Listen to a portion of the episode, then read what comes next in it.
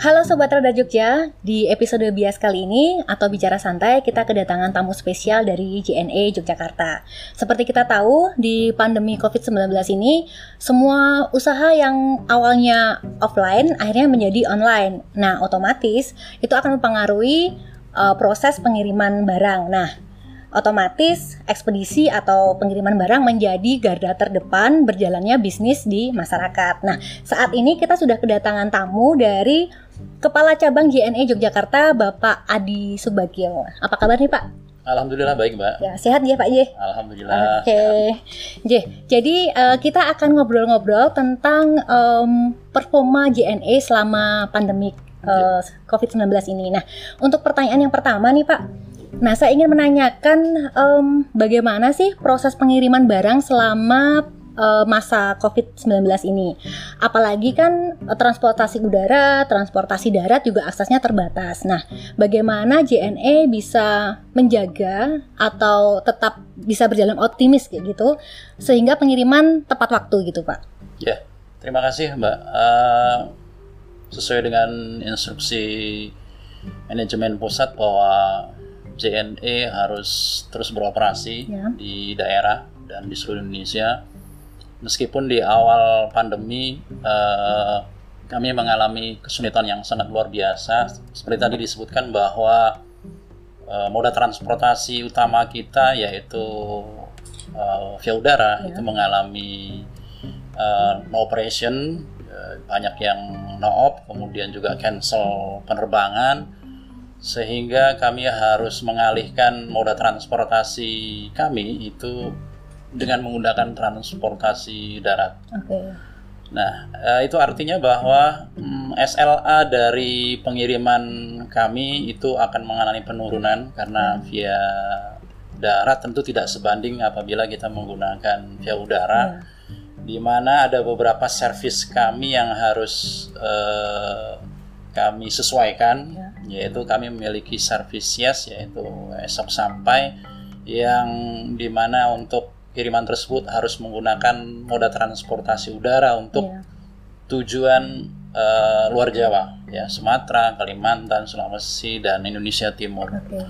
Nah ini memang merupakan satu ujian terberat buat kami di jasa transportasi, uh, tapi dengan kerjasama bersama tim di Yogyakarta, uh, kami mengalihkan moda transportasi kami dari uh, udara ke darat sehingga harapan kami itu barang barang-barang yang kami kirimkan dari Yogyakarta itu bisa kami handle dengan baik ya.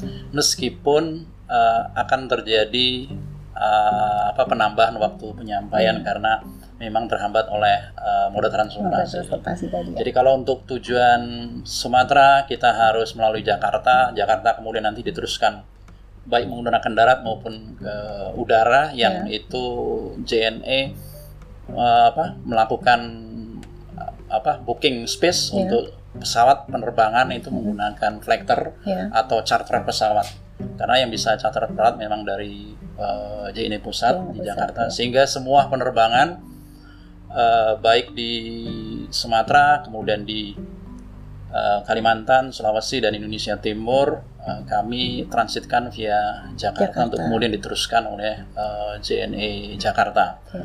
Uh, kami juga sangat bersyukur di tengah pandemi ini uh, JNE masih diperbolehkan untuk beroperasi ya. karena salah satu garda terdepan untuk perekonomian uh, selain dari bidang-bidang uh, lain seperti misalnya uh, apa untuk kebutuhan pokok, ya. uh, terus kemudian juga uh, telekomunikasi termasuk juga logistik uh, itu artinya uh, kami diharapkan oleh bangsa dan negara ini untuk bisa membantu bagaimana ekonomi di negara ini bisa uh, tetap berjalan.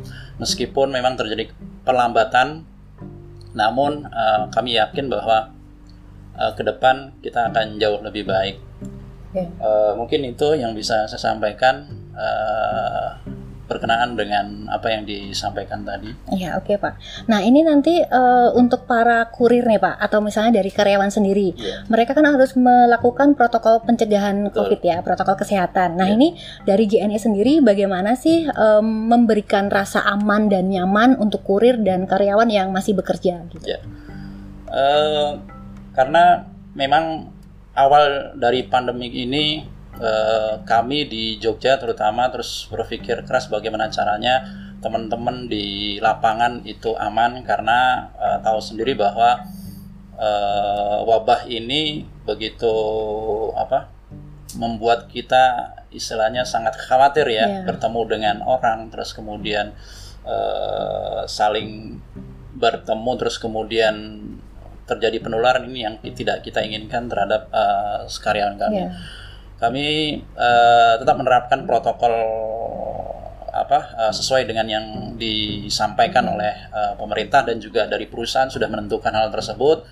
Di samping kita juga mengupayakan supaya seluruh karyawan yang kami tetap sehat karena itu yang paling penting percuma kita juga melakukan segala macam upaya uh, plan dan uh, rencana-rencana lain kalau misalnya karyawan kita itu uh, justru sakit. Yeah. Nah ini yang menjadi fokus utama kami di Jogja adalah bagaimana caranya teman-teman yang beroperasi di lapangan maupun -hmm. di kantor itu tetap dalam kondisi yang sehat yaitu uh, pertama men, apa, mengharuskan mereka hidup uh, bersih, kemudian juga menjaga kesehatan, terus kemudian tetap kita sarankan atau kita wajibkan untuk menggunakan masker. Yeah.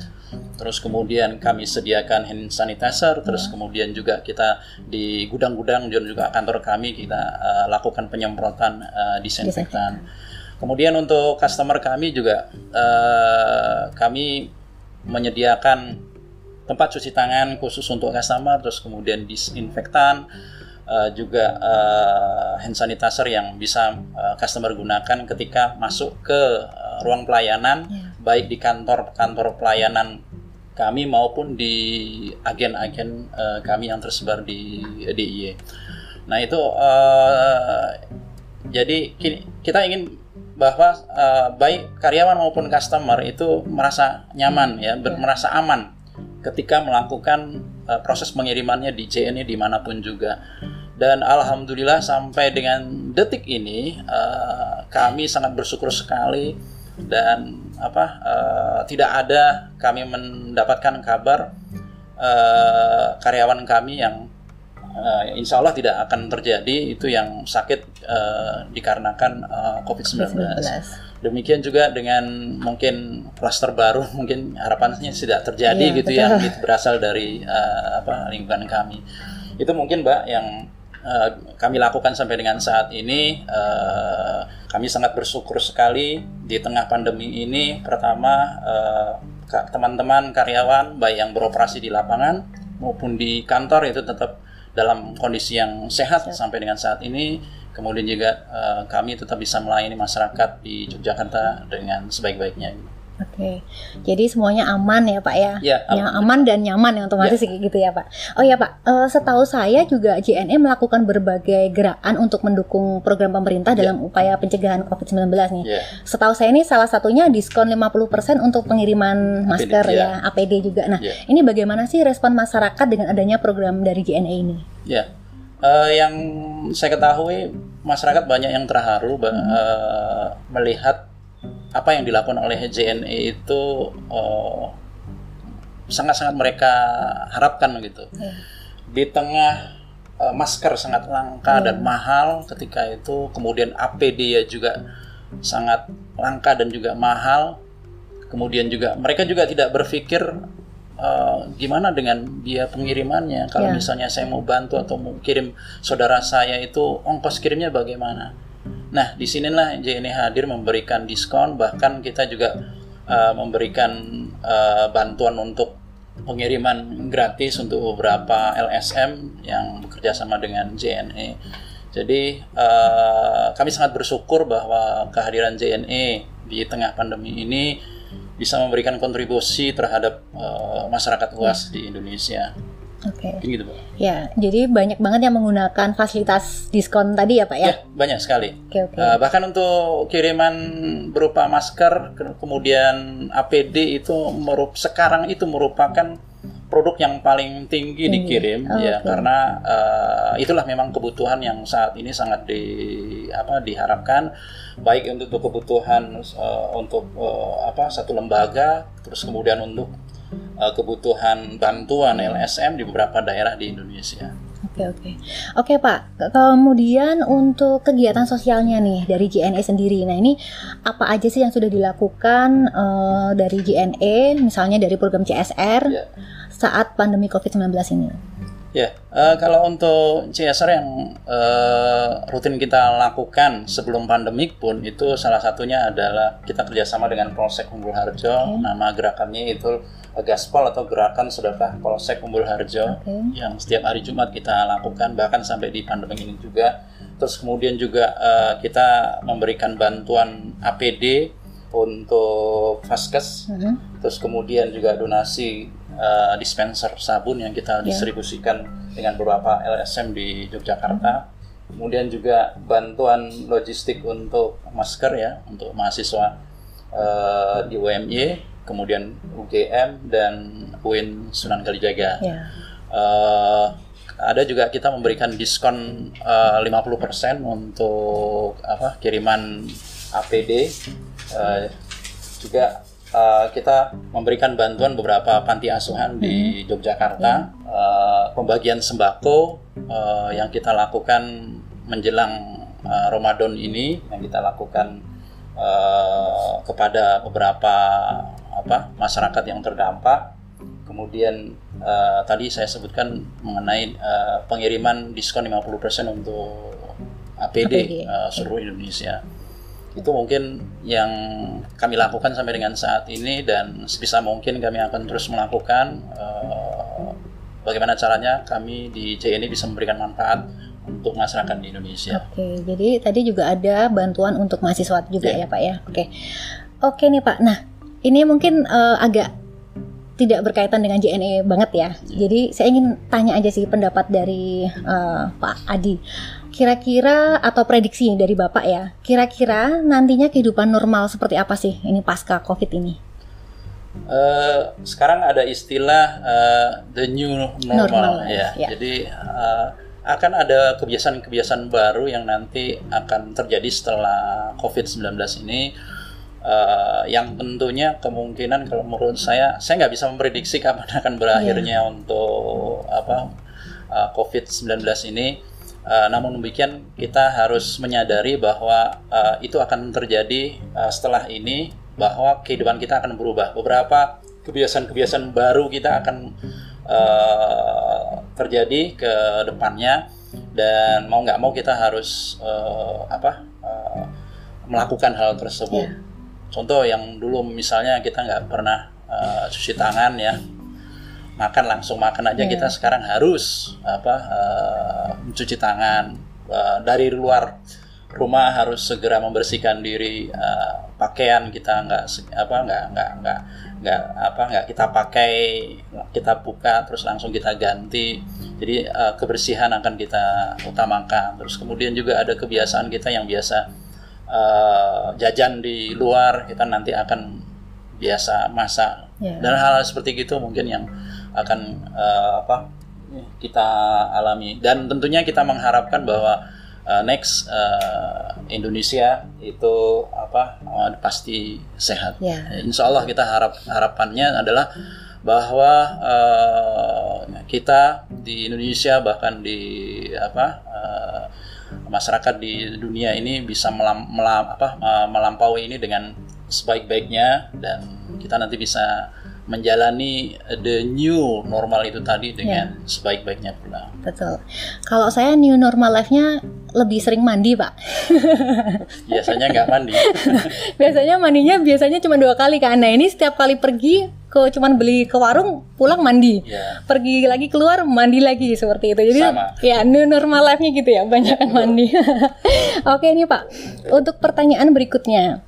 Nah ini uh, atau misalnya nih saya ingin tahu aja nih ada nggak sih um, pesan untuk sobat radar Jogja uh, agar tetap optimis lah di masa pandemi ini dan bagaimana sih mereka akan melihat uh, masa depan terutama untuk sobat radar Jogja yang memang dia bergerak di bidang usaha online nih dan yeah. menggunakan jasa-jasa JNE untuk pengiriman barang kayak gitu. Ya. Yeah. Uh, dengan adanya COVID-19 ini seperti saya sampaikan bahwa uh, kebiasaan masyarakat uh, di mana pun juga saat ini tuh uh, terjadi perubahan yang biasanya itu belanja offline kita akan membiasakan diri untuk online. Nah ini sebenarnya potensial untuk teman-teman mulai berbisnis. Uh, kita tahu juga dulu uh, sedikit sekali ada makanan yang bisa di online kan, tapi sekarang itu banyak sekali makanan yang bisa di online kan, yeah. Bahkan di frozen kemudian dikirim. Nah ini sebuah potensial. Nah kemudian dari teman-teman juga saya harapkan tetap optimis karena di tengah musibah, di tengah pandemi ini pun uh, pasti ada potensi atau opportunity yang bisa kita kembangkan. Yeah. Dan JNE itu siap membantu teman-teman. Salah satunya adalah uh, kami memiliki fulfillment di JNE Yogyakarta, di mana uh, teman-teman bisa memanfaatkan facility uh, fulfillment uh, di mana teman-teman nggak perlu lagi punya gudang, mm -hmm. ya nggak perlu lagi membangun sistem, tidak perlu lagi me, apa uh, meng-hire karyawan untuk memanage uh, apa untuk stoknya uh, itu diserahkan ke JNE dan kita yang mengelolanya itu salah satu uh, facility yang JNE Jogja uh, apa uh, berikan kepada UKM di uh, Yogyakarta dan itu sudah berjalan dan kita sudah memiliki uh, 11 brand di apa fulfillment kita dan untuk apa uh, stok yang kita miliki lebih dari 10.000 okay. ya uh, apa uh, merek yang di, ada di sana. Kemudian uh, selanjutnya adalah bahwa uh, JNE saat ini punya facility service namanya JNE tracking. Di mana kalau misalnya JNE tracking itu merupakan apa uh, service yang memungkinkan teman-teman itu kirim barang-barang yang uh, dalam bentuk bulky, hmm. misalnya 10 kilo ke atas yeah. dengan tarif yang minimalis. Okay. Dan ini sangat membantu sekali untuk UMKM sehingga ketika dia mengirim dari Jogja dalam bentuk bulky, dia kemudian dikirimkan ke daerah lain, itu uh, akan meringankan biaya dari teman-teman sehingga untuk daerah lain dia jual lagi deh di kotanya dengan uh, apa biaya kirim yang lebih murah okay. juga. Nah itu yang bisa kami sampaikan. Jadi harapannya adalah meskipun kita masih dalam kondisi COVID-19, kita tetap harus harus optimis dan gali potensial sebaik mungkin. Uh, kita lihat di sekeliling kita apa yang bisa kita manfaatkan, opportunity apa yang bisa kita kembangkan dan apabila itu membutuhkan dukungan logistik, dukungan uh, pengiriman dari JNE, kami sangat support untuk rekan-rekan kaulah muda di uh, Yogyakarta untuk membangun, mengembangkan bisnisnya berkaitan dengan pengiriman baik itu in intra uh, kota, inter kota maupun ke seluruh Indonesia. Oke, okay. oke. Okay, jadi pesannya adalah yang pertama tetap optimis, yeah. yang kedua gali potensi atau opportunities yang ada di sekitar kita. Betul. Itu untuk menghadapi kita di masa depan gitu yeah. ya Pak ya. Oke, okay, uh, eh, ini terima kasih sekali Pak. Ini waktunya uh, obrolannya sangat memberikan informasi yang banyak banget, terutama bagi sobat Adar Jogja yang memang menjalankan uh, usaha di bidang online gitu. Nah, tapi ini sebelum kita closing, ini ada kuis Um, untuk tiga orang pemenang, jadi masing-masing nanti akan mendapatkan pulsa senilai 100 ribu. Nah, pertanyaannya adalah mahasiswa kampus mana yang mendapatkan bantuan COVID-19 dari JNE? Nah, tadi sudah dijelaskan oleh Pak Adi ya di obrolan kita tadi. Nah, kira-kira uh, siap kampus mana aja nih kayak gitu. Nah, nanti bisa tulis jawaban di kolom komentar di uh, Instagram kita. Oke? Okay? Oke. Okay. Sekian dulu untuk edisi podcast kali ini. Kita sangat berterima kasih sekali dengan Pak Adi yang sudah hadir di studio Radar yep. Jogja. Yeah. Um, dan bagi teman-teman atau sobat Radar Jogja yang masih penasaran program apa aja sih yang dikeluarkan oleh JNE, nanti bisa cek di Instagram JNE. Nanti bisa lihat aja di Instagram mereka. Kalau misalnya memang penasaran banget datangin langsung dong ke kantornya. Oke, sekian dulu podcast edisi kali ini. Kita ketemu lagi di podcast selanjutnya. Bye.